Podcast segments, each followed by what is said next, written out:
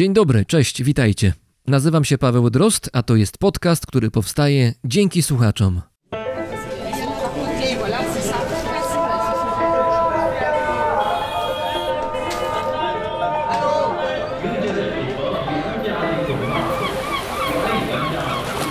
Brzmienie świata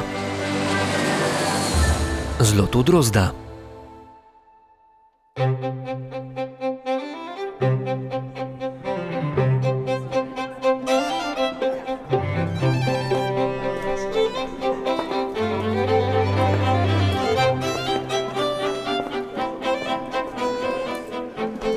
Tak znakomitego towarzystwa Londyn nie widział od wielu tygodni. Gdzie się nie rozejrzeć, baronowie i baronowe na tę okazję specjalnie zjechali do stolicy. Wśród zgromadzonych dało się dostrzec również wielu członków brytyjskiego parlamentu, którzy mieli wpływ na losy rosnącego w siłę imperium. Byli też znakomici pisarze oraz naukowcy o dużych nazwiskach. Wszyscy oni mieli nadzieję na ekscytujący wieczór.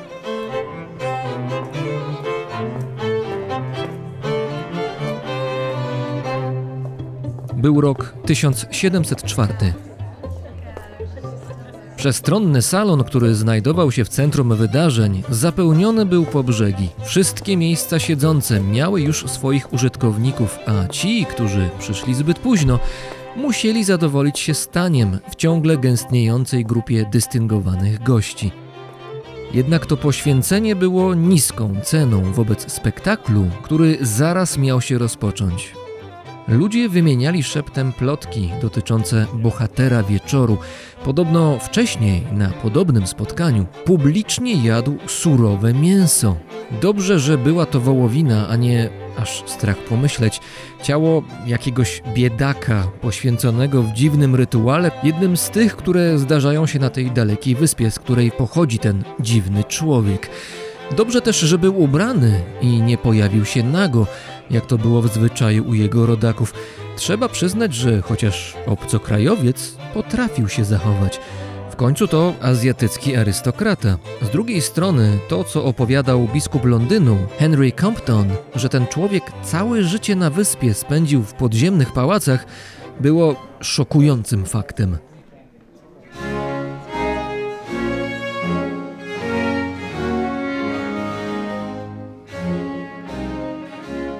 Ucichły rozmowy i wszystkie oczy zwróciły się na wejście po lewej stronie salonu. Przez drzwi dostojnym krokiem wszedł mężczyzna dwudziestokilkuletni. Psalmanazar zatrzymał się. Omiódł zgromadzonych długim i przeszywającym spojrzeniem, po czym, gdy wywołał u publiczności spodziewane napięcie, rozsiadł się na przygotowanym dla niego fotelu. Cała uwaga skupiona była na nim – zgodnie z przewidywaniami. Za chwilę jego opowieści o dalekiej Formozie sprawią, że publiczność na długo nie zapomni tego wieczoru.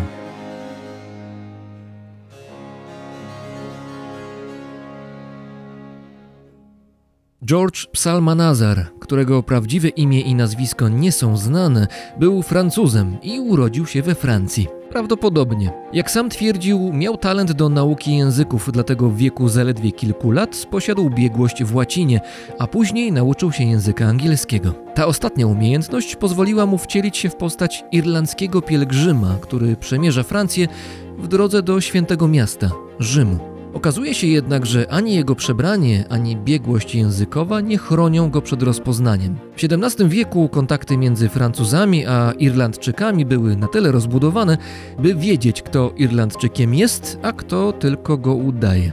Salmanazar uznaje więc, że musi wcielić się w postać, która będzie na tyle geograficznie odległa od Europy, by szansa na zdemaskowanie była minimalna. Wtedy zostaje Japończykiem.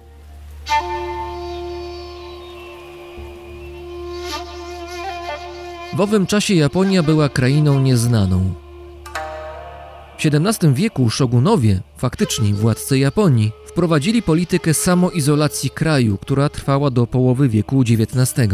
Obcokrajowcy nie mają na japońskie wyspy wstępu, a kontakty ze światem zewnętrznym są zerwane. Jedynym oknem, a właściwie okienkiem na świat, jest wyspa Dejima, niedaleko Nagasaki. Do tamtejszego portu mogą zawijać jedynie niektóre statki chińskie i holenderskie. Z tego powodu w Europie poza Holendrami nikt nie ma wiedzy o Japończykach, co wykorzystuje Psalmanazar.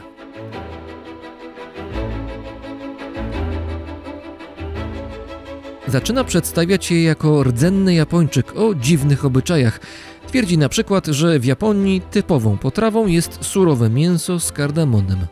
Psalmanazar Japończyk podróżuje po Europie i mając się różnych zajęć. Dokonuje też cudownej przemiany i wkrótce przedstawia się wszystkim, tym razem jako rodowity mieszkaniec Formozy, która wedle jego słów należy do Królestwa Japonii. Dzisiaj Formozę znamy pod nazwą Tajwan. Wtedy była lądem dla Europejczyków niemal nieznanym. To pozwala naszemu bohaterowi na rozwinięcie skrzydeł. Opowiada spotkanym ludziom o niebywałych formozańskich zwyczajach, które są wyłącznie wytworem jego wyobraźni. Psalmanazar spotyka na swojej drodze pewnego szkockiego kapelana. Ten odkrywa, z kim ma do czynienia, ale zamiast publicznie zdemaskować oszusta, postanawia wykorzystać go do swoich celów w Londynie. Namawia domniemanego Japończyka Formozańczyka do przyjęcia chrztu i w ten sposób na świat przychodzi George Psalmanazar. W Anglii dziwny obcokrajowiec szybko zdobywa zainteresowanie publiczności i staje się celebrytą, chętnie zapraszanym na salony. Sympatię Anglików zdobywa nie tylko swoimi sensacyjnymi opowieściami o Formozie i jej mieszkańcach. Gra też na ich niechęci do katolików i mówi, że z Formozy został porwany do Francji przez jezuitów, a teraz jest przykładnym Anglikaninem. Fantazja Psalmanazara otwiera mu drzwi do domów najznamienitszych postaci ówczesnego Londynu, od ludzi kultury przez arystokratów i parlamentarzystów po najwyższych dostojników kościoła anglikańskiego. Mało kto zwraca uwagę na to, że domniemany formozańczyk mówi z ewidentnym francuskim akcentem. Sukces pcha George'a Psalmanazara do napisania książki zatytułowanej Historia i geografia Formozy, wyspy należącej do cesarza Japonii.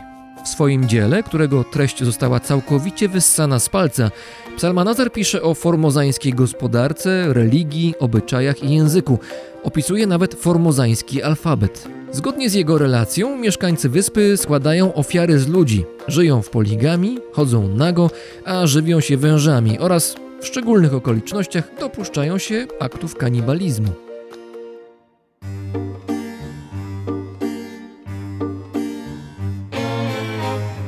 Dzieło George'a Psalmanazara, wydane również w językach niemieckim i francuskim, cieszy się dużym zainteresowaniem. Sam autor zauważony jest nawet przez świat nauki, który w dużej części daje się omamić relacjom dziwacznego obcokrajowca. Jednym z niewielu prominentnych naukowców, którzy zachowują wobec Psalmanazara daleko idącą nieufność, jest Edmund Halley, tego wybitnego fizyka, astronoma i matematyka historia zapamięta jako człowieka, który zauważył cykliczne pojawianie się na niebie komety, którą dzisiaj znamy jako kometę Haleja.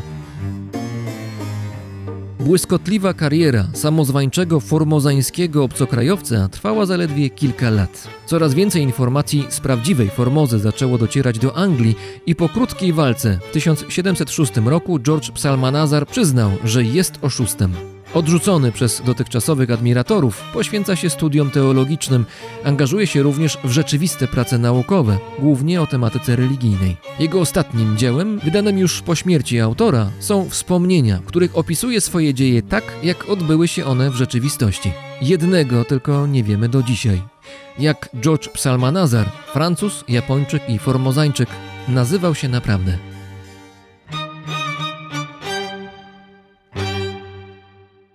Tajwan nazywany był kiedyś Formozą. Poświęciłem mu odcinek 53, który gorąco polecam.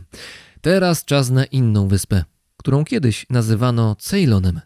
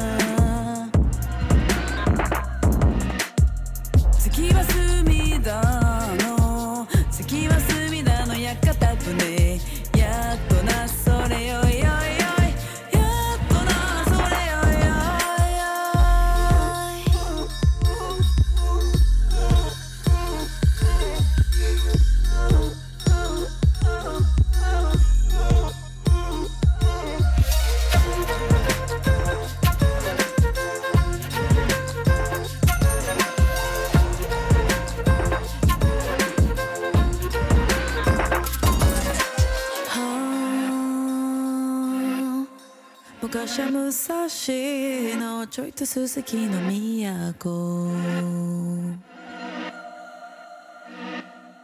今はネオンの今はネオンの日の都。やっとなそれよいよいよい。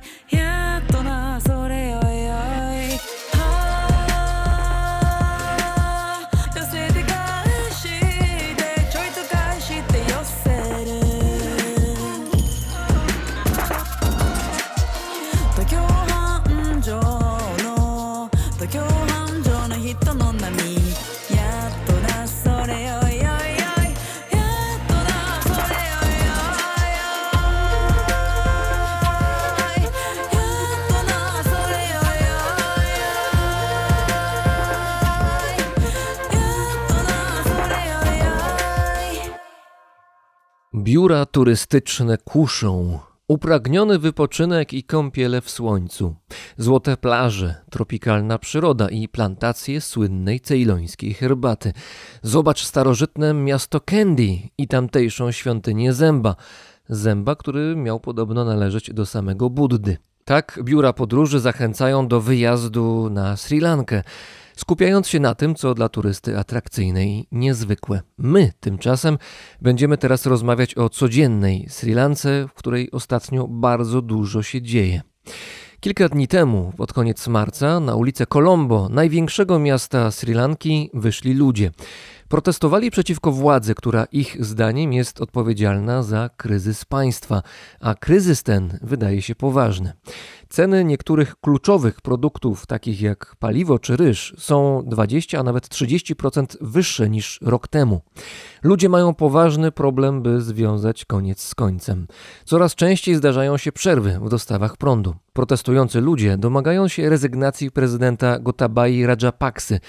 To nazwisko Rajapaksa warto zapamiętać, ponieważ myślę, że będzie wielokrotnie pojawiać się w tej rozmowie. Trzeba też wiedzieć, że protesty przeciwko władzy są na Sri Lance wyjątkowym zjawiskiem, między innymi dlatego, że owa władza bardzo ostro reaguje na wszelkie przejawy krytyki, a w kraju wolna prasa niemal nie istnieje. Ewidentnie Sri Lanka wchodzi teraz w ostry zakręt, a wydarzenia na miejscu obserwuje od miesiąca dziennikarz, niezależny korespondent w Azji Południowo-Wschodniej, współpracujący m.in. z Tygodnikiem Powszechnym i Polską Agencją Prasową, czyli Tomasz Augustyniak. Witaj, dzień dobry. Dzień dobry, witaj. Dodam, że Tomek od roku mieszka w Bangkoku, a wcześniej sporo czasu spędził właśnie na Sri Lance. Cieszę się, Tomku, że y, w ogóle możemy rozmawiać, no bo wcale to nie było takie pewne z racji przerw w dostawach prądu. Zanim dojdziemy do tego, co się dzieje w tej chwili na ulicach, narysujmy może portret bohaterki naszej rozmowy Sri Lanki. Stosunkowo nieduża wyspa, 22 miliony ludzi. Jeśli ktoś na Sri Lance nigdy nie był, no to może mieć takie wrażenie, że to są takie Indie w miniaturze. Tylko, że de facto zdecydowanie więcej jest tu różnic niż podobieństw, chociaż trzeba przyznać, że tak samo jak y, w przypadku Indii, tak i w przypadku Sri Lanki jest to była brytyjska kolonia. To prawda. W 1948 roku Lankijczycy dostali niepodległość niejako w prezencie, dlatego że Brytyjczycy postanowili się z Sri Lanki wycofać po II wojnie światowej i w przeciwieństwie do Indii nie było tutaj bardzo silnego ruchu niepodległościowego. E, Nie trzeba było o tę niepodległość walczyć w przeciwieństwie do Indii. No ale Brytyjczycy, zresztą podobnie wcześniejsze rządy kolonialne Portugalczyków najpierw, a później Holendrów, którzy wprawdzie nie kontrolowali całej wyspy, ale odcisnęli nad niej swoje piętno jedni i drudzy w, na różne, różne sposoby, zostawili swoje dziedzictwo na Sri Lance w postaci spraw instytucjonalnych oczywiście, ale też w postaci dziedzictwa społecznego, w postaci tego miksu etnicznego, który jest na Sri Lance bardzo bogaty stanowi o kolorycie Sri Lanki, ale też prowadzi do bardzo wielu problemów. Także to, co Brytyjczycy zrobili z lankijskim społeczeństwem i jak je po swojemu, dostosowując je do swoich potrzeb, czysto gospodarczych bardzo często, przerobili, to nadal pokutuje na Sri Lance i pewnie jest jedną z palety wielu przyczyn różnych problemów, które się na Sri Lance rozgrywają. Słyszę w tle prawdopodobnie sztućce i jakąś krzątaninę, no bo jesteś w tej No chwili tak. chyba w hotelu czy w restauracji. To nie wynika z tego tylko i wyłącznie, że tam pewnie jest przyjemnie i nie wiem, może jakoś dobrze karmią, ale to wynika też z potrzeby. To znaczy musisz pracować, a właśnie w takich miejscach jak hotel, jak restauracja hotelowa, pracować się da. Jaka jest w tej chwili sytuacja pod tym względem? A zaraz przejdziemy do tego, co się w Colombo i generalnie na Sri Lance dzieje. Ja jestem na Sri Lance od mniej więcej pięciu tygodni i w tym czasie obserwuję, jak kryzys gospodarczy pogłębia się. Wtedy, kiedy przyjechałem, przerwy w dostępie do elektryczności, kłopoty z internetem czy sieciami komórkowymi były dużo mniejsze niż są teraz.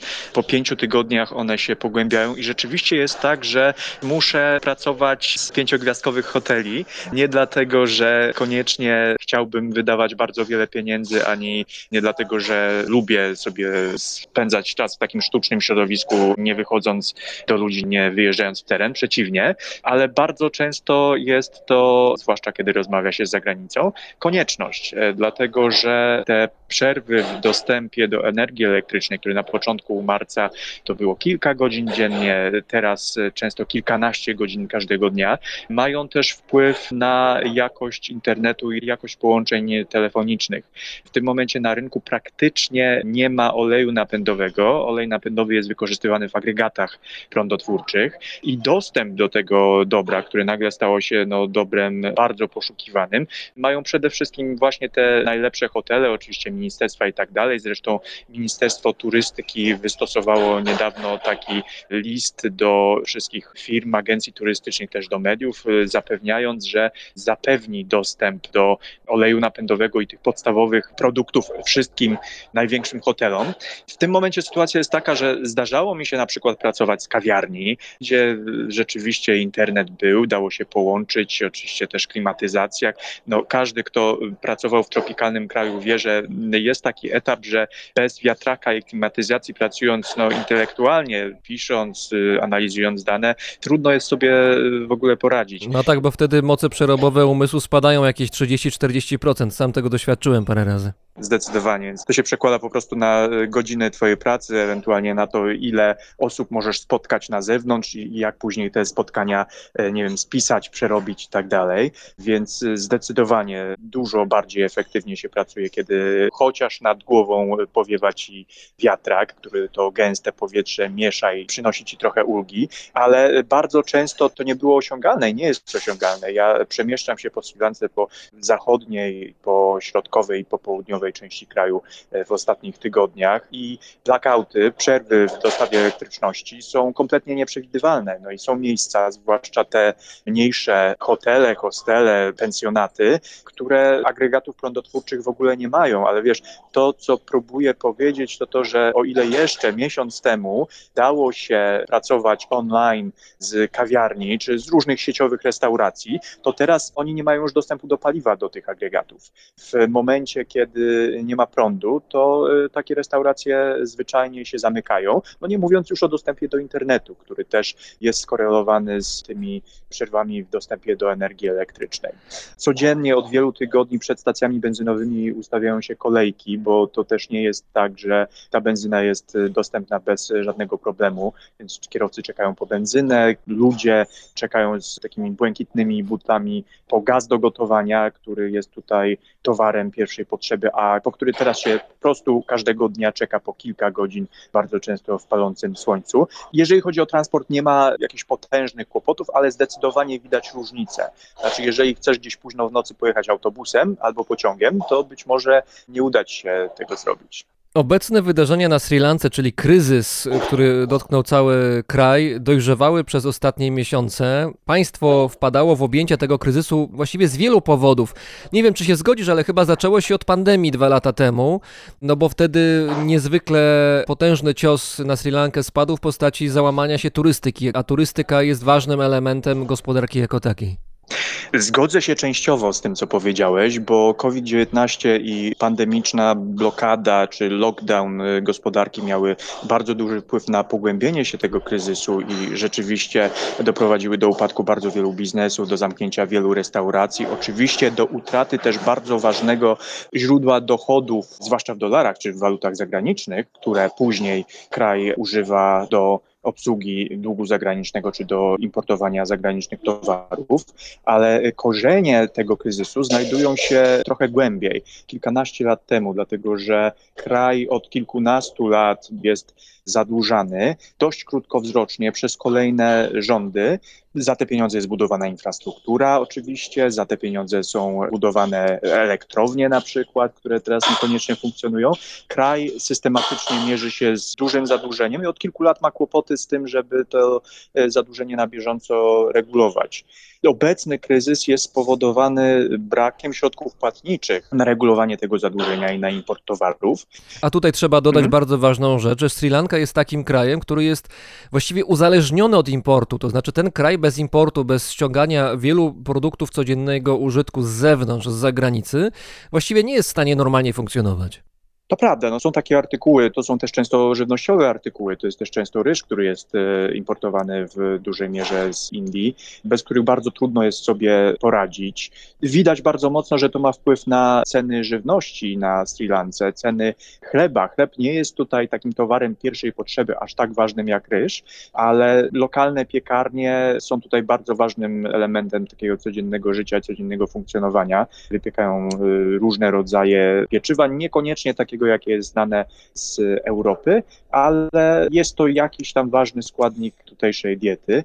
Rzeczy typu mleko w proszku na przykład, wiesz, zwłaszcza mleko w proszku to jest też jeden z towarów pierwszej potrzeby, no herbata z mlekiem, którą pijesz. Od kilkudziesięciu lat liczba mieszkańców Sri Lanki stale rośnie i w tym momencie to jest y, bardzo gęsto zaludniona wyspa, która ma 22 miliony mieszkańców. To jest dużo ludzi, biorąc pod uwagę, że Sri Lanka ma mniej więcej powierzchnię trzech polskich województw, więc kraj to jest znacznie mniejszy od Polski. Natomiast faktycznie jest w dużej mierze uzależniona od importu, zwłaszcza takich towarów bardziej technologicznie zaawansowanych, ale lokalne hotele, te takie lepsze, importują również rzeczy typu mydło z zagranicy, dlatego że menadżerowie hotelów, sieci hotelowe wolą importować mydło z innych krajów niż korzystać z tego, które jest produkowane miejscowo na Sri Lance. Powiedziałeś, że na ten kryzys zbierały się różne wydarzenia w ciągu ostatnich kilkunastu lat nawet, ale nie zapominajmy, że w 2019 roku zdarzył się na Sri Lance bardzo poważny zamach terrorystyczny. Zresztą za chwilę będziemy mieli rocznicę tego zamachu. On się zdarzył w niedzielę wielkanocną. Ponad 200, bodaj 270 osób chyba zginęło w tym zamachu, w serii zamachów właściwie. I wtedy turystyka też na pewien czas była w pewnym kryzysie. Ludzie nie chcieli na Sri Lankę jeździć, no bo było przekonanie, że jest to kraj niebezpieczny. Potem jakoś ta sytuacja troszeczkę zaczynała się normować, ale z kolei pojawiła się pandemia. Tych elementów, które się składają na to, co się w tej chwili dzieje na wyspie, jest bardzo wiele.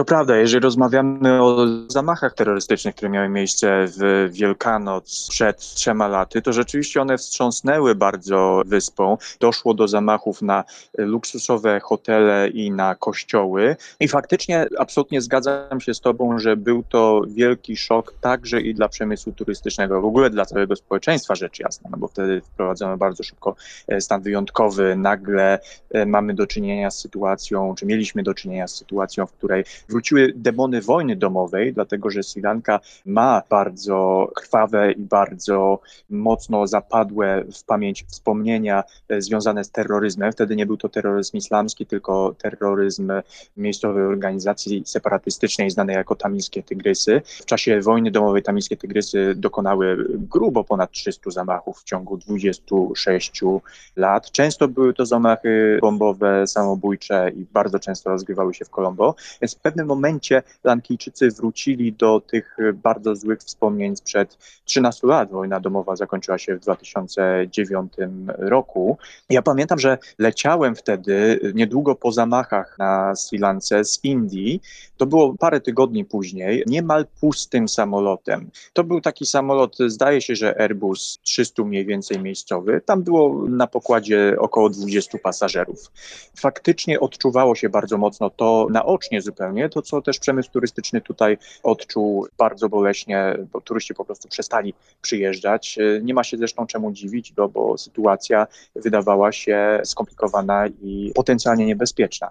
Mamy przełom marca i kwietnia 2022 roku. Na ulicę Colombo, ale nie tylko Colombo, wychodzą ludzie protestują, nie są zadowoleni, nie ma co się dziwić z tego, że do garnka nie ma co włożyć i że pieniądze uciekają, bo wszystko drożeje. Ale czego żądają? Jak w ogóle wygląda atmosfera na ulicy? No bo byłeś na tych protestach, wiesz jak to wyglądało.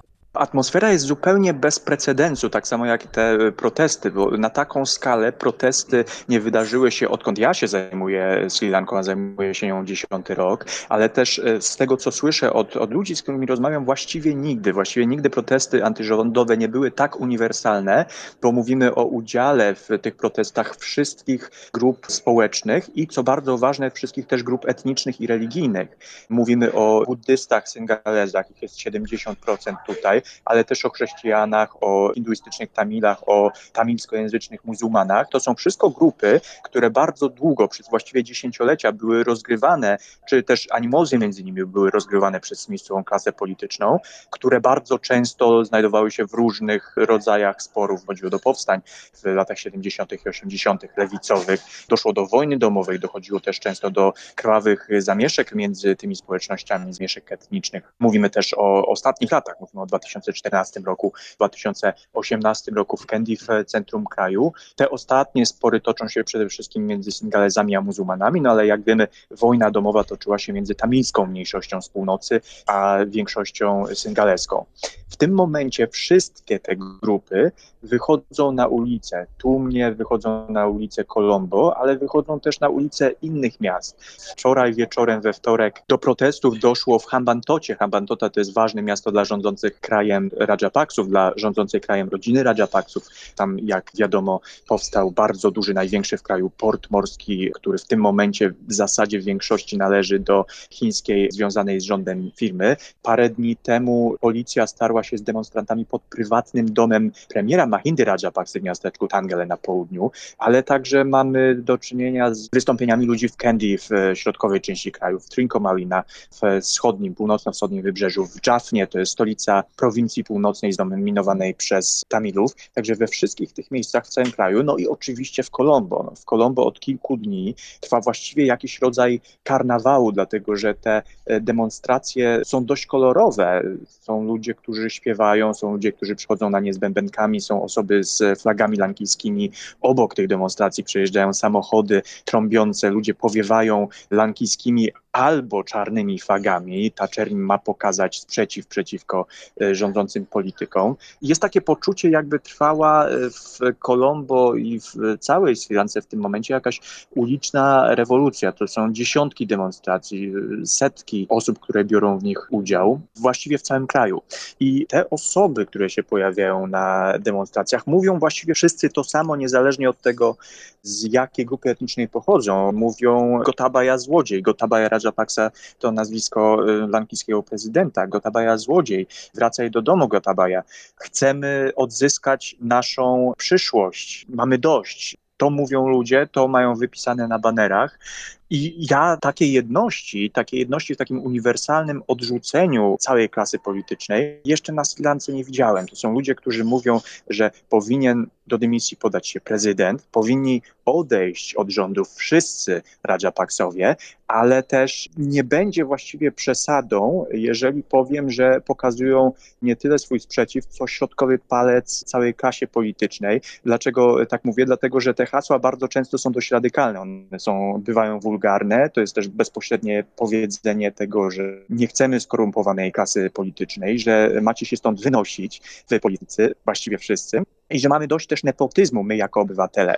No, ja rozmawiałem w czasie tych protestów w ciągu ostatnich dwóch, trzech dni też z dzieciakami, z uczniami liceów, ze studentami uniwersytetów, którzy y, mówią otwarcie to, co podskórnie było czuć i właściwie się mówiło, ale nie padało bardzo często w przestrzeni publicznej. Znaczy, że oni mają dość tego, że e, wykształceni ludzie na Sri Lance nie mają możliwości znalezienia pracy, podczas gdy w rządzie teki ministerialne dostają ludzie niekompetentni. Osoby z wykształceniem bardzo często emigrują ze Sri Lanki. To jest coś, z czym młodzież się mierzy od kilkunastu lat, jeżeli nie jeszcze dłuższego czasu. Zatrzymajmy się przy nazwisku, które już padło kilka razy. Ja już we wstępie mówiłem, że to nazwisko jest istotne dla naszej opowieści. Rajapaksowie, czy Rajapaksa. Nazwisko, które jeszcze trzy lata temu, kiedy były wybory na wyspie, to było nazwisko y, kwitnące znowu. Znowu bracia Rajapaksowie, bo to o nich przede wszystkim będziemy mówić, zdobyli władzę, a w tej chwili to jest nazwisko, które jest kojarzone z kryzysem, które jest kojarzone ze wszystkim, co złe, z upadkiem, zakrętem, y, na którym znalazła się Sri Lanka. Kim są Rajapaksowie?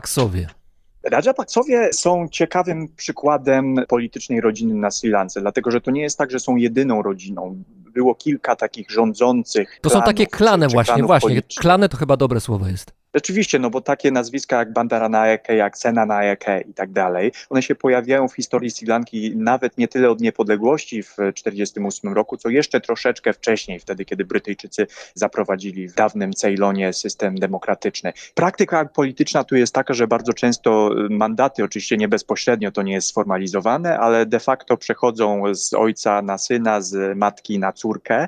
Jest pewna grupa znanych, ważnych w historii niepodległego, a wcześniej jeszcze podległego Ceylonu, obecnie Sri Lanki, nazwisk. Rajapaksowie, oni są trochę częścią, a trochę są jednak outsiderami. To jest rodzina, która jest w polityce obecna od lat 30. XX wieku i to jest rodzina, która pochodzi z południa kraju, z regionu znanego jako Ruchunu albo Ruchuna, rolniczego o bardzo długich buddyjskich tradycjach, no właśnie zdominowanego przez buddyjską większość. To jest kraj świątyń i kraj pól, znany także jako kraj kurakanu. Kurakan to jest taki miejscowa odmiana prosa, która rośnie, podobnie zresztą jak ryż, też jest uprawiana w wodzie i to jest jedno ze zbóż, które jest symbolem tego regionu, jest symbolem takiego spichlerza, za jaki jest uważany region Ruchunu. I z tego e, głęboko rolniczego, głęboko wiejskiego obszaru wywodzi się rodzina Rajapaksów. Inne te ważne polityczne rodziny w e, historii Ceylonu traktowały Rajapaksów, no jeżeli nie z pogardą, to z pewnego rodzaju dystansem. Oni byli i są w dużej mierze outsiderami w życiu politycznym kraju,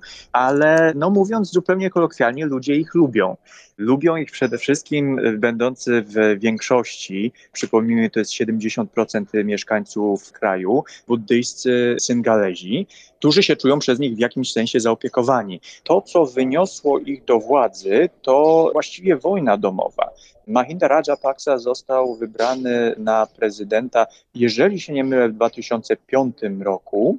To było pod koniec wojny domowej. No i wygrał te wybory na nacjonalistycznych hasłach, nacjonalistycznych buddyjskich, syngaleskich hasłach. On y, zapowiedział, że wojnę zakończy i rzeczywiście wojnę zakończył po czterech latach. Nie będę teraz wchodził w szczegóły tego, jak ona została zakończona. Wystarczy powiedzieć, że została zakończona bardzo brutalnie, że według i doniesień medialnych, ale też przede wszystkim raportu ONZ podczas ostatniej fazy wojny domowej doszło do poważnych naruszeń, do zbrodni wojennych. Zginęło tam kilkadziesiąt tysięcy cywilów, którzy byli ostrzeliwani przez rządowe wojsko. To byli cywile, którzy znaleźli się na terytoriach zajętych przez tamilskich separatystów. Natomiast kolejne wybory Mahinda Rajapaksa wygrał już jako zwycięzca tej wojny. Przypomnijmy, że wojna trwała 26 lat. To była wojna, która naprawdę odcisnęła wielkie piętno i na społeczeństwo, i na gospodarce lankijskiej, no bo gospodarka, w tym też turystyka, ona nie mogły funkcjonować pełną parą w sytuacji, kiedy groziły zamachy terrorystyczne, a rzeczywiście do bardzo poważnych zamachów terrorystycznych tamilskich tygrysów dochodziło w Kolombo. Trzeba podkreślić, że właściwie przez te 26 lat część terytorium kraju, część wyspy, północna część przede wszystkim i częściowo też wschód, to były rejony właściwie, nad którymi rząd centralny nie miał pełnej kontroli. To było coś osobnego, jakiś osobny byt. W związku z tym mała wyspa, już powiedzieliśmy o tym, że ona naprawdę jest mała, była jeszcze mniejsza de facto i to były takie no, dwa konstrukty, kraj właściwy i, no, i te rejony kontrolowane przez tamilskie tygrysy.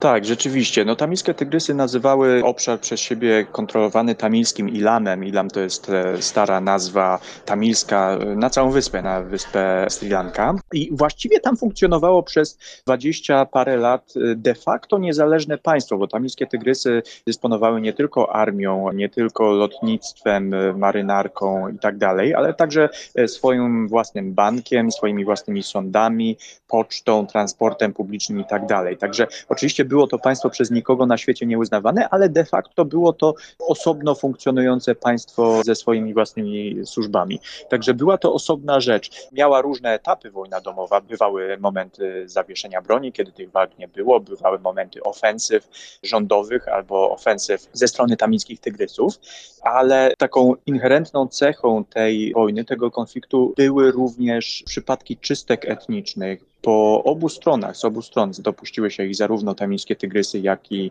rządowa armia i wspomnianych już wcześniej zamachów bombowych, dlatego że tamilskie tygrysy posiadały specjalną jednostkę przeznaczoną wyłącznie do samobójczych zamachów bombowych. Nazywała się Czarne Tygrysy i tam ochotnicy, którzy byli gotowi poświęcić swoje życie za sprawę, za tamilski Ilan, dołączali do tej jednostki i byli często wysyłani na południe. Na południu była też sieć tamilskich szpiegów, którzy obserwowali swoje cele. To byli bardzo często ministrowie, to byli często generałowie czy szefowie różnych jednostek rządowego wojska. Bardzo wielu z nich zginęło w terrorystycznych zamachach. Ba, zginął też w 1993 roku w zamachu terrorystycznym prezydent Premadasa. W międzyczasie zginął były premier Indii w zamachu dokonanym w Indiach przez czarne tygrysy, Rajiv Gandhi. Ginęli oficerowie, ginęli y, ministrowie, ginęli zwykli ludzie w zamachach, do których mogło dojść właściwie wszędzie, więc przez 26 lat Lankijczycy z obu stron tego umownego frontu żyli w e, strachu, strachu przed sobą wzajemnie. No i mamy rok 2009, czyli koniec wojny domowej. To całkiem niedawno przecież, mimo że Sri Lankę, myślę, duża część turystów traktuje jako takie miejsce bardzo spokojne, wyważone, gdzie ta herbata oczywiście nieśmiertelna, cejlońska Hmm. się znajduje, gdzie, gdzie można sobie słonie oglądać, gdzie w ogóle jest przyjemnie. A wojna domowa, krwawa wojna domowa zakończyła się no, raptem wczoraj w skali historycznej, można powiedzieć. Wspomniałeś wcześniej o ważnej rzeczy, to znaczy to, że mm, dominującym etnosem czy, czy narodem właściwie na Sri Lance są Syngalezi. Oni stanowią 70% całej społeczności. Niemal w całości to są buddyści i to jest ważna rzecz, dlatego że ten buddyzm jest nierozerwalnie związany z życiem społecznym na wyspie. Syngalezi jako grupa dominująca, część z nich przynajmniej, wykorzystuje tę sytuację i próbuje pokazać, kto tu rządzi, mówiąc krótko, bo y, według wierzeń, tradycyjnych wierzeń, pierwszymi ludźmi na Sri Lance właśnie byli Syngalezi.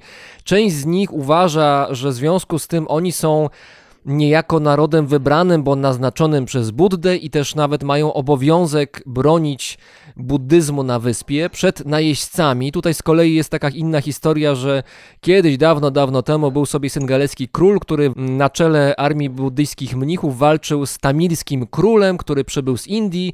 No i y, ten król tamilski został odparty. No i do dzisiaj buddyści syngalezi walczą niejako o ochronę Sri Lanki przed najeźdźcami, w domyśle przed Tamilami, a jeszcze dalej to w domyśle przede wszystkim z muzułmanami. I tutaj pomiędzy Sengalezami czy buddystami szerzej, a muzułmanami tli się, a czasami nawet bardziej niż się tli, konflikt, głównie wydaje mi się jednak inicjowany przez większość, czyli przez Sengalezów, przed buddystów. To prawda, no, y, mowa jest o konflikcie, który ma mniej więcej 2,5 tysiąca lat. Rzeczywiście jest legenda o królu Dutugemunu jego przeciwniku, drawidyjskim królu Elalanie albo Elarze, jak on się pojawia w syngaleskich kronikach. Istnieje obecnie pewna polityczna narracja, właściwie od początku niepodległego Ceylonu. Ta historia, bardzo dawna historia, bo Sri Lanka jest bardzo starym krajem, jest wykorzystywana e, w interesie mm, politycznych elit, które bardzo umiejętnie podsycają napięcia między różnymi grupami etnicznymi. I rzeczywiście ten mit buddysty Syngaleza, który ma obowiązek według znanej starej kroniki Mahavamsa, ma obowiązek bronić buddyzmu przez 5000 lat. Na razie go broni przez jakieś 2,5 tysiąca lat, więc jesteśmy mniej więcej w połowie tej dziejowej misji.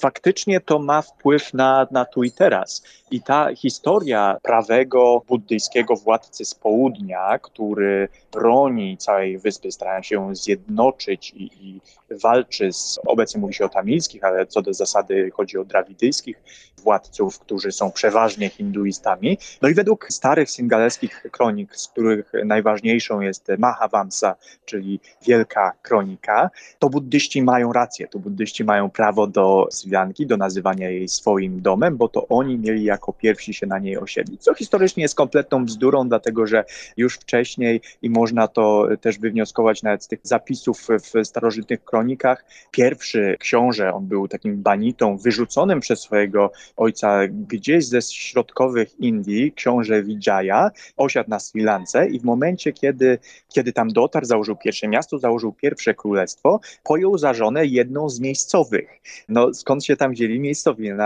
ano stąd, że już wcześniej tam jacyś ludzie byli. To byli animiści, oni czcili święte drzewa, oni czcili duchy zamieszkujące te drzewa. Często się nazywa ich nagami i jakami, czcicielami duchów i czcicielami węży, ale bez wątpienia przed przybyciem Singalezów 2,5 tysiąca lat temu na Sri Lankę już ktoś na tej Sri Lance mieszkał. No ale mit jest mitem. Mit rządzi się swoimi własnymi prawami i według tego mitu, w który wierzą Singalezi, oni przez całą historię zmagają się z najeźdźcami. To jest ich własna indoaryjska wyspa, buddyjska czysto, którą według legend miał odwiedzić wielokrotnie, zresztą sam Gautama Buddha i której oni muszą bronić przed najeźdźcami rozmaitymi. Naród y, i religia bardzo często szły w parze. No, hierarchia buddyjska była wyposażana bardzo hojnie, często historycznie przez buddyjskich władców różnych lankijskich królestw i pozostawała bardzo często z nimi w symbiozie. I w tym momencie jest dość podobnie, dlatego że państwo, w konstytucji jest to zapisane, ba nawet funkcjonuje Ministerstwo do Spraw Buddyzmu, którego zadaniem jest y, właśnie wspieranie hierarchii buddyjskiej. Państwo ma obowiązek ten buddyzm i hierarchię buddyjską wspierać. To widać nawet w przestrzeni publicznej, nawet na rękawach policjantów, którzy na właśnie rękawach, poza różnymi innymi symbolami, mają również symbol koła dharmy.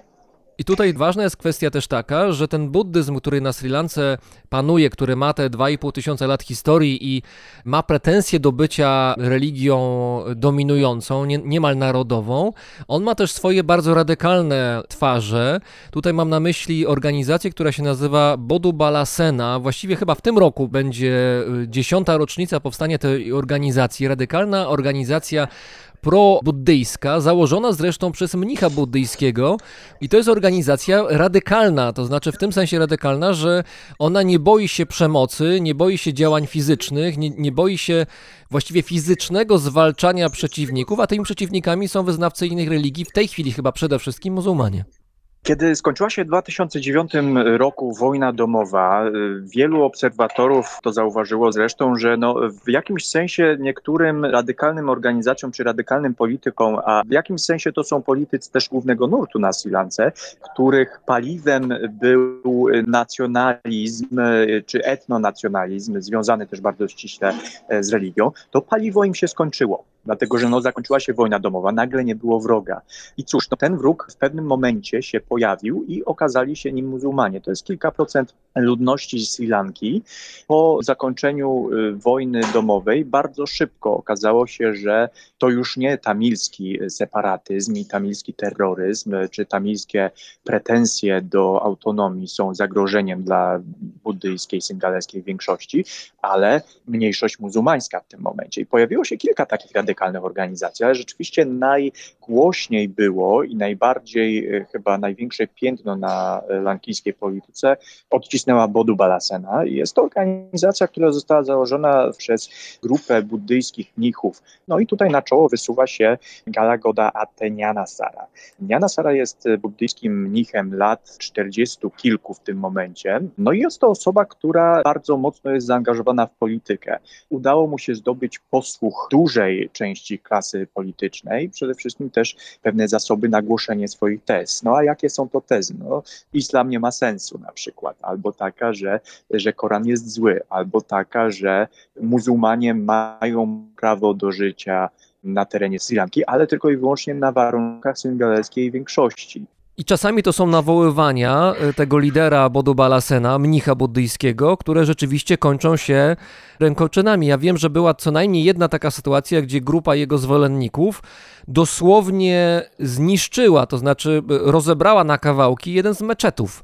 I poza tym jeszcze bywały wielokrotnie takie sytuacje, gdzie dochodziło do, do walk regularnych, to znaczy przychodzili buddyści, którzy nam się mogą kojarzyć tak y, płytko patrząc z ludźmi, którzy miłują pokój i muchy nie są y, w stanie skrzywdzić, ale tutaj ta postać tego buddyzmu lankijskiego przeczy tej tezie. Tak, no polityczna i taka społeczna rzeczywistość jest kompletnie inna. No, czym innym jest buddyjska filozofia, czym innym jest praktyka ludzi, którzy mienią się buddystami, zwłaszcza jeżeli ktoś im powie, że żyjemy w oblężonej twierdzy, której należy bronić i właściwie każdy obcy, po pierwsze jest obcy i niektórzy inni Lankijczycy nie są godni tego, żeby się nazywać Lankijczykami, a są też zagrożeniem dla nas, dla buddystów czy dla buddyzmu w ogóle jako takiego. I faktycznie no, najsłynniejsze takie zamieszki zdarzyły się w miejscowości Aludgama na południu Sri Lanki, e, gdzie e, po bezpośrednio właściwie po przemówieniu Niana Sary tłum jego zwolenników rzucił się i zaczął obrzucać kamieniami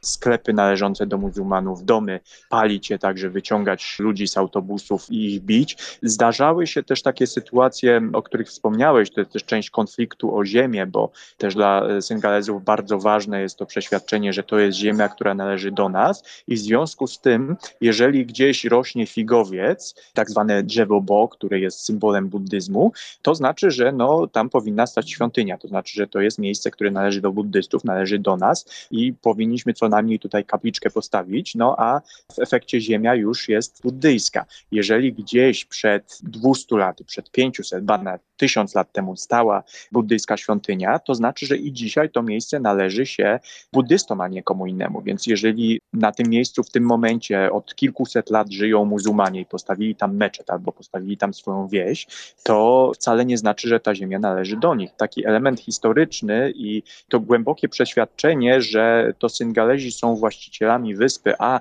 mniejszości mogą sobie na niej e, żyć, ale tylko w takim zakresie i na takich zasadach, na jakie większość pozwala, jest bardzo, bardzo silne. Więc BBS, e, czyli właśnie Bodu Balasena, organizowała takie kampanie polegające na tym, że wtedy, tam gdzie były spory o ziemię, o świątynię też między ludnością syngaleską a inną, czyli na przykład muzułmańską albo na przykład y, wyznającymi hinduizm tamilami, tam y, mnisi w szafranie wkraczali, bardzo często dochodziło do kłótni, bardzo często dochodziło do przepychanek.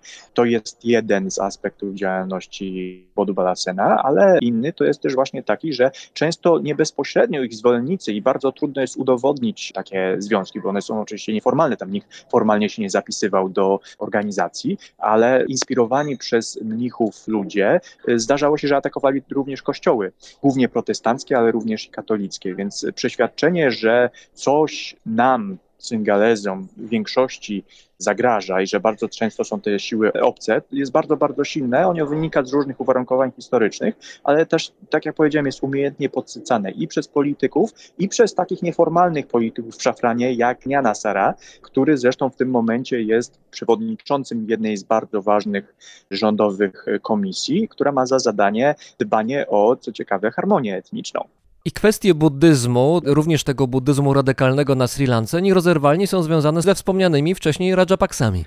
To prawda i to bardzo dobrze było widać tuż po zakończeniu wojny domowej, bo rzeczywiście ówczesny prezydent Mahinda Rajapaksa był po wojnie domowej porównywany do tych wspomnianych wcześniej królów historycznych, których było kilku i którzy walczyli z kim? No, z drawidyjskimi opresorami, z drawidyjskimi najeźdźcami.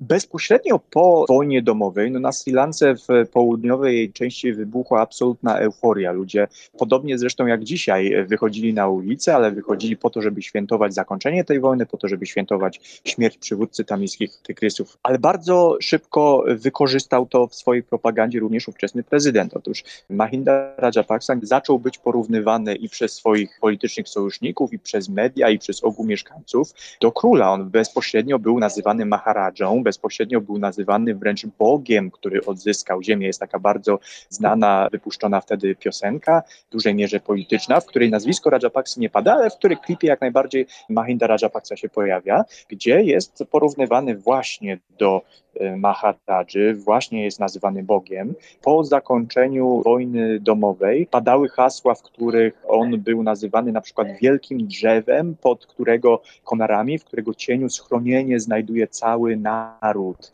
Jego twarz pojawiała się na billboardach w całym kraju.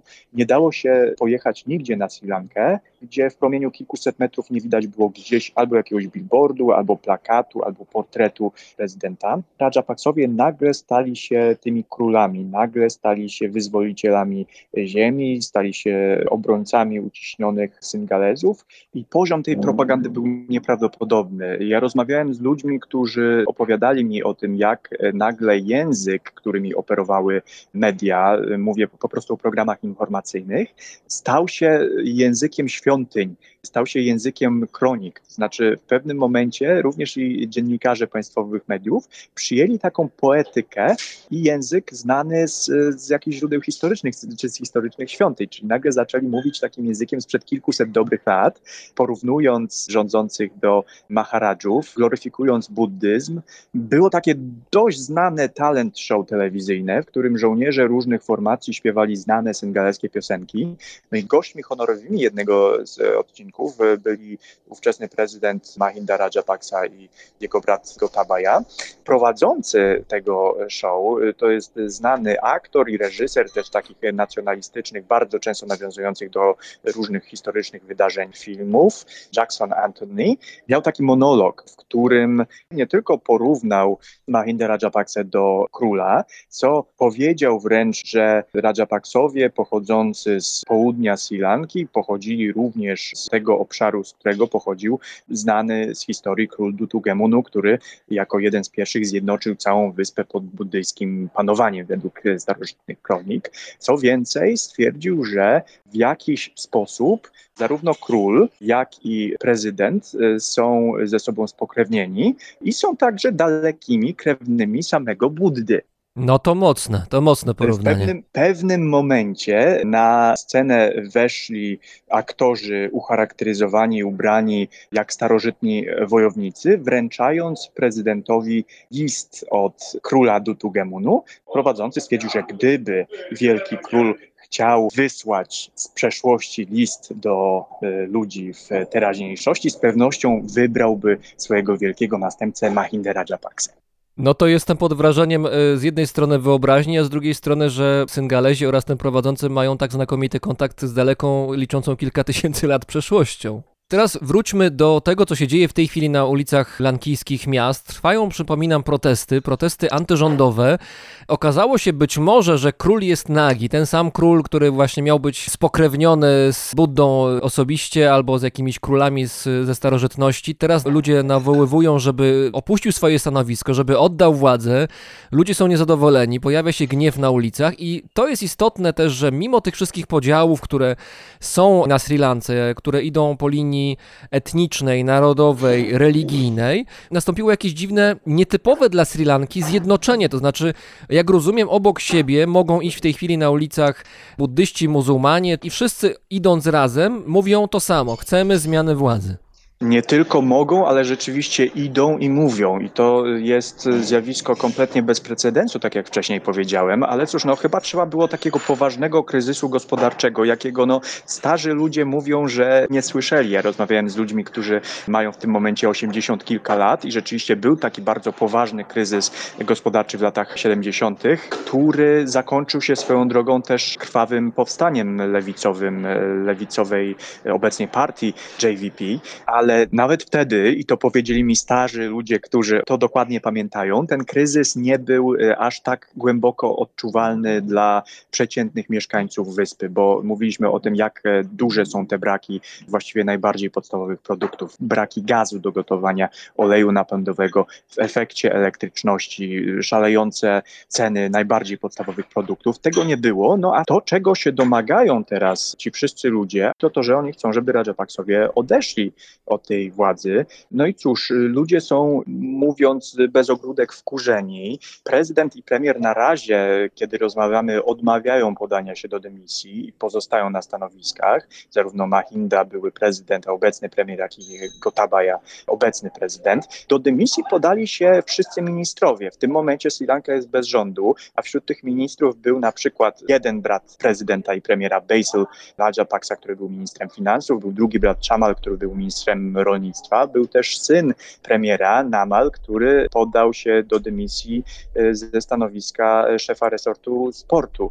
Także tych kilku Rajapaksów było u władzy. Też nie bez powodu mówi się o rządzącej dynastii, dlatego że oprócz tego, że były te stanowiska ministerialne, to kilkadziesiąt osób na rządowych posadach to są członkowie trochę bardziej odległej rodziny Rajapaksów, osoby z nimi spokrewnione albo spowinowacone.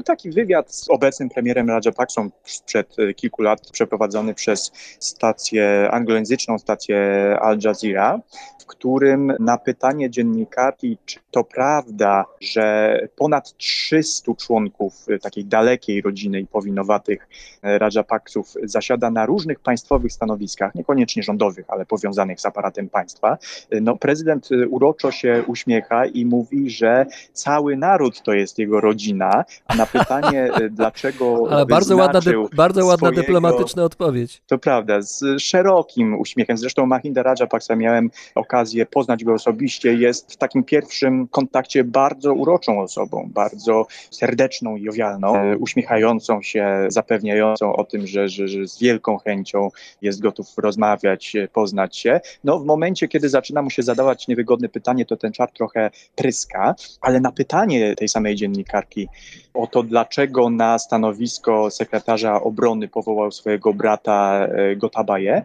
odpowiada, że no przecież no, muszę ufać mojemu sekretarzowi obrony. Więc mentalność jest tutaj taka, że faktycznie rodzinie, tym powinowatym i różnym osobom, które nam kiedyś pomogły jako politykom, należy się odpłacić za to. No, a nagrody są w postaci e, stanowisk ministerialnych, stanowisk w różnych państwowych e, spółkach i tak dalej, i tak.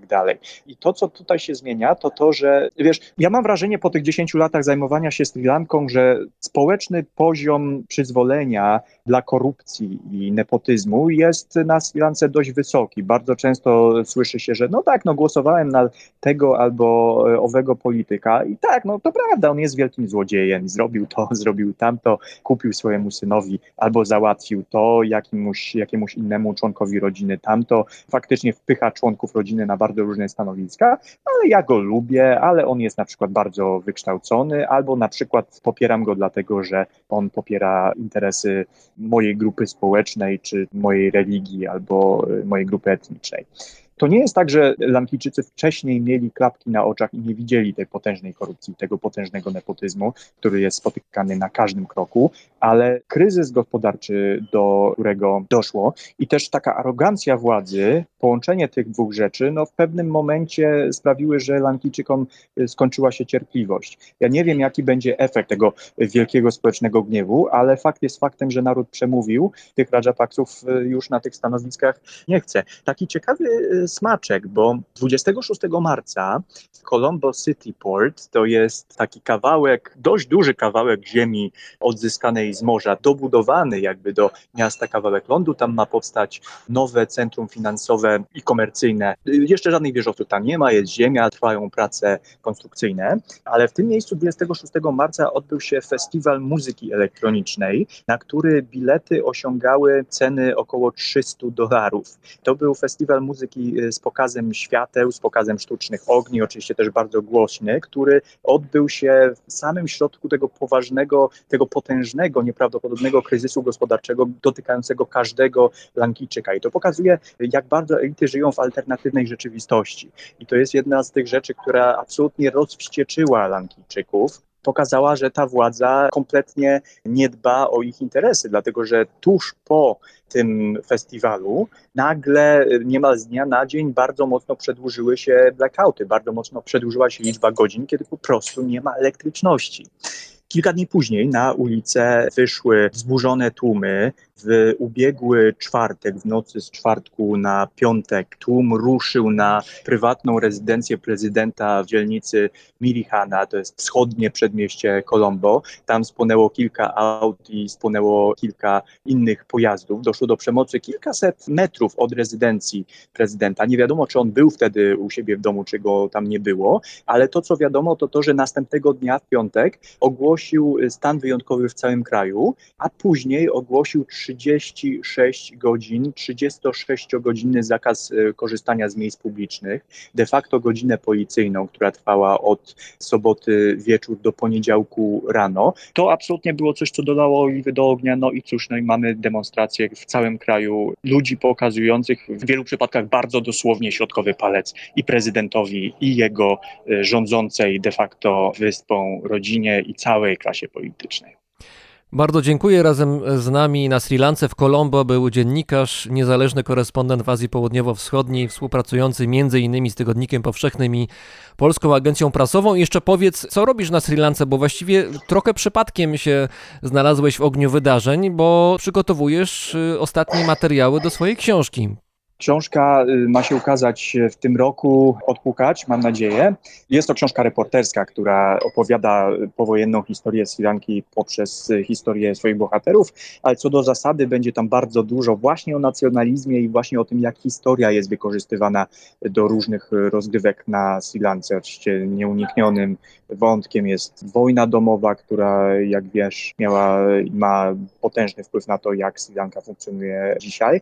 Ja zapraszam na swoje media społecznościowe o jakieś aktualizacje, bo na pewno będę tam publikował więcej informacji na temat tego, co dalej robię. Zapraszam na Twittera, zapraszam na Facebooka, bo tam będę na pewno wrzucał aktualizacje dotyczące i książki, i innych spraw, którymi się zajmuję przyjeżdżając na Sri Lankę miałem świadomość tego, jaka jest sytuacja i brałem pod uwagę, że zostanę trochę dłużej, jeżeli kryzys będzie się rozwijał. No i cóż, rozwija się, więc zostanę na Sri Lance tak długo, jak będzie trzeba i tak długo, jak tutaj będą się działy ciekawe rzeczy. Także będę trzymał rękę na pulsie i będę się starał opowiedzieć tą przeciekawą i naprawdę skomplikowaną historię Sri Lanki, bo to nie jest dokładnie tak, że to jest taka rajska wyspa z turystycznych folderów, ale co trzeba przyznać Lankijczykom, mają naprawdę e, świetny marketing i świetny PR, jeżeli chodzi o sprzedawanie tej turystyki, produktów turystycznych zagranicznym gościom.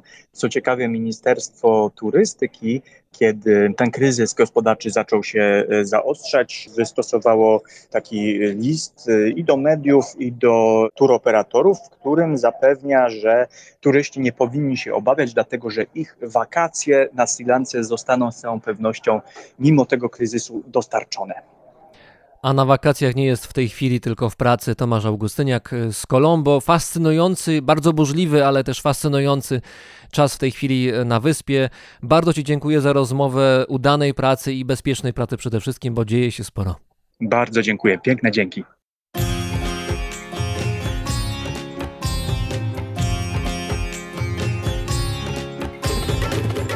A song for the broken hearted.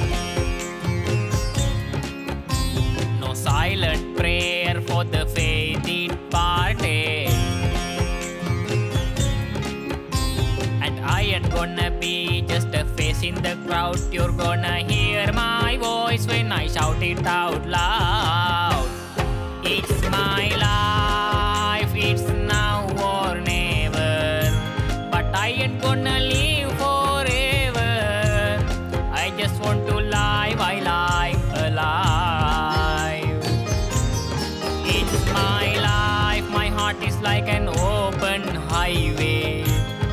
Frankie said, I did it my way.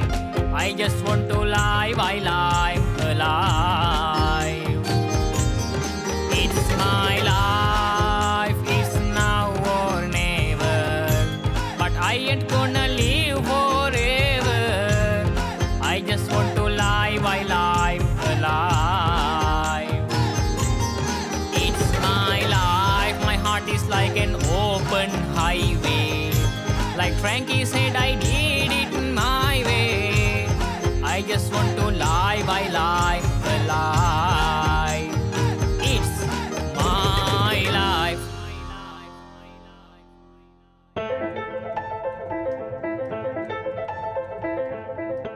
To był 101 odcinek Brzmienia Świata z lotu Drozda. Wszystkie odcinki oraz sam podcast możecie oceniać przy pomocy gwiazdek i polubień na Spotify oraz na innych serwisach streamingowych. Do tych ocen zachęcam, to dla mnie realna pomoc. Brzmienie Świata powstaje dzięki Wam, dzięki wsparciu słuchaczy na patronite.pl i za tę pomoc serdecznie dziękuję. Dziękuję również światoczułemu patronowi Brzmienia Świata, firmie Ergo Ubezpieczenia Podróży.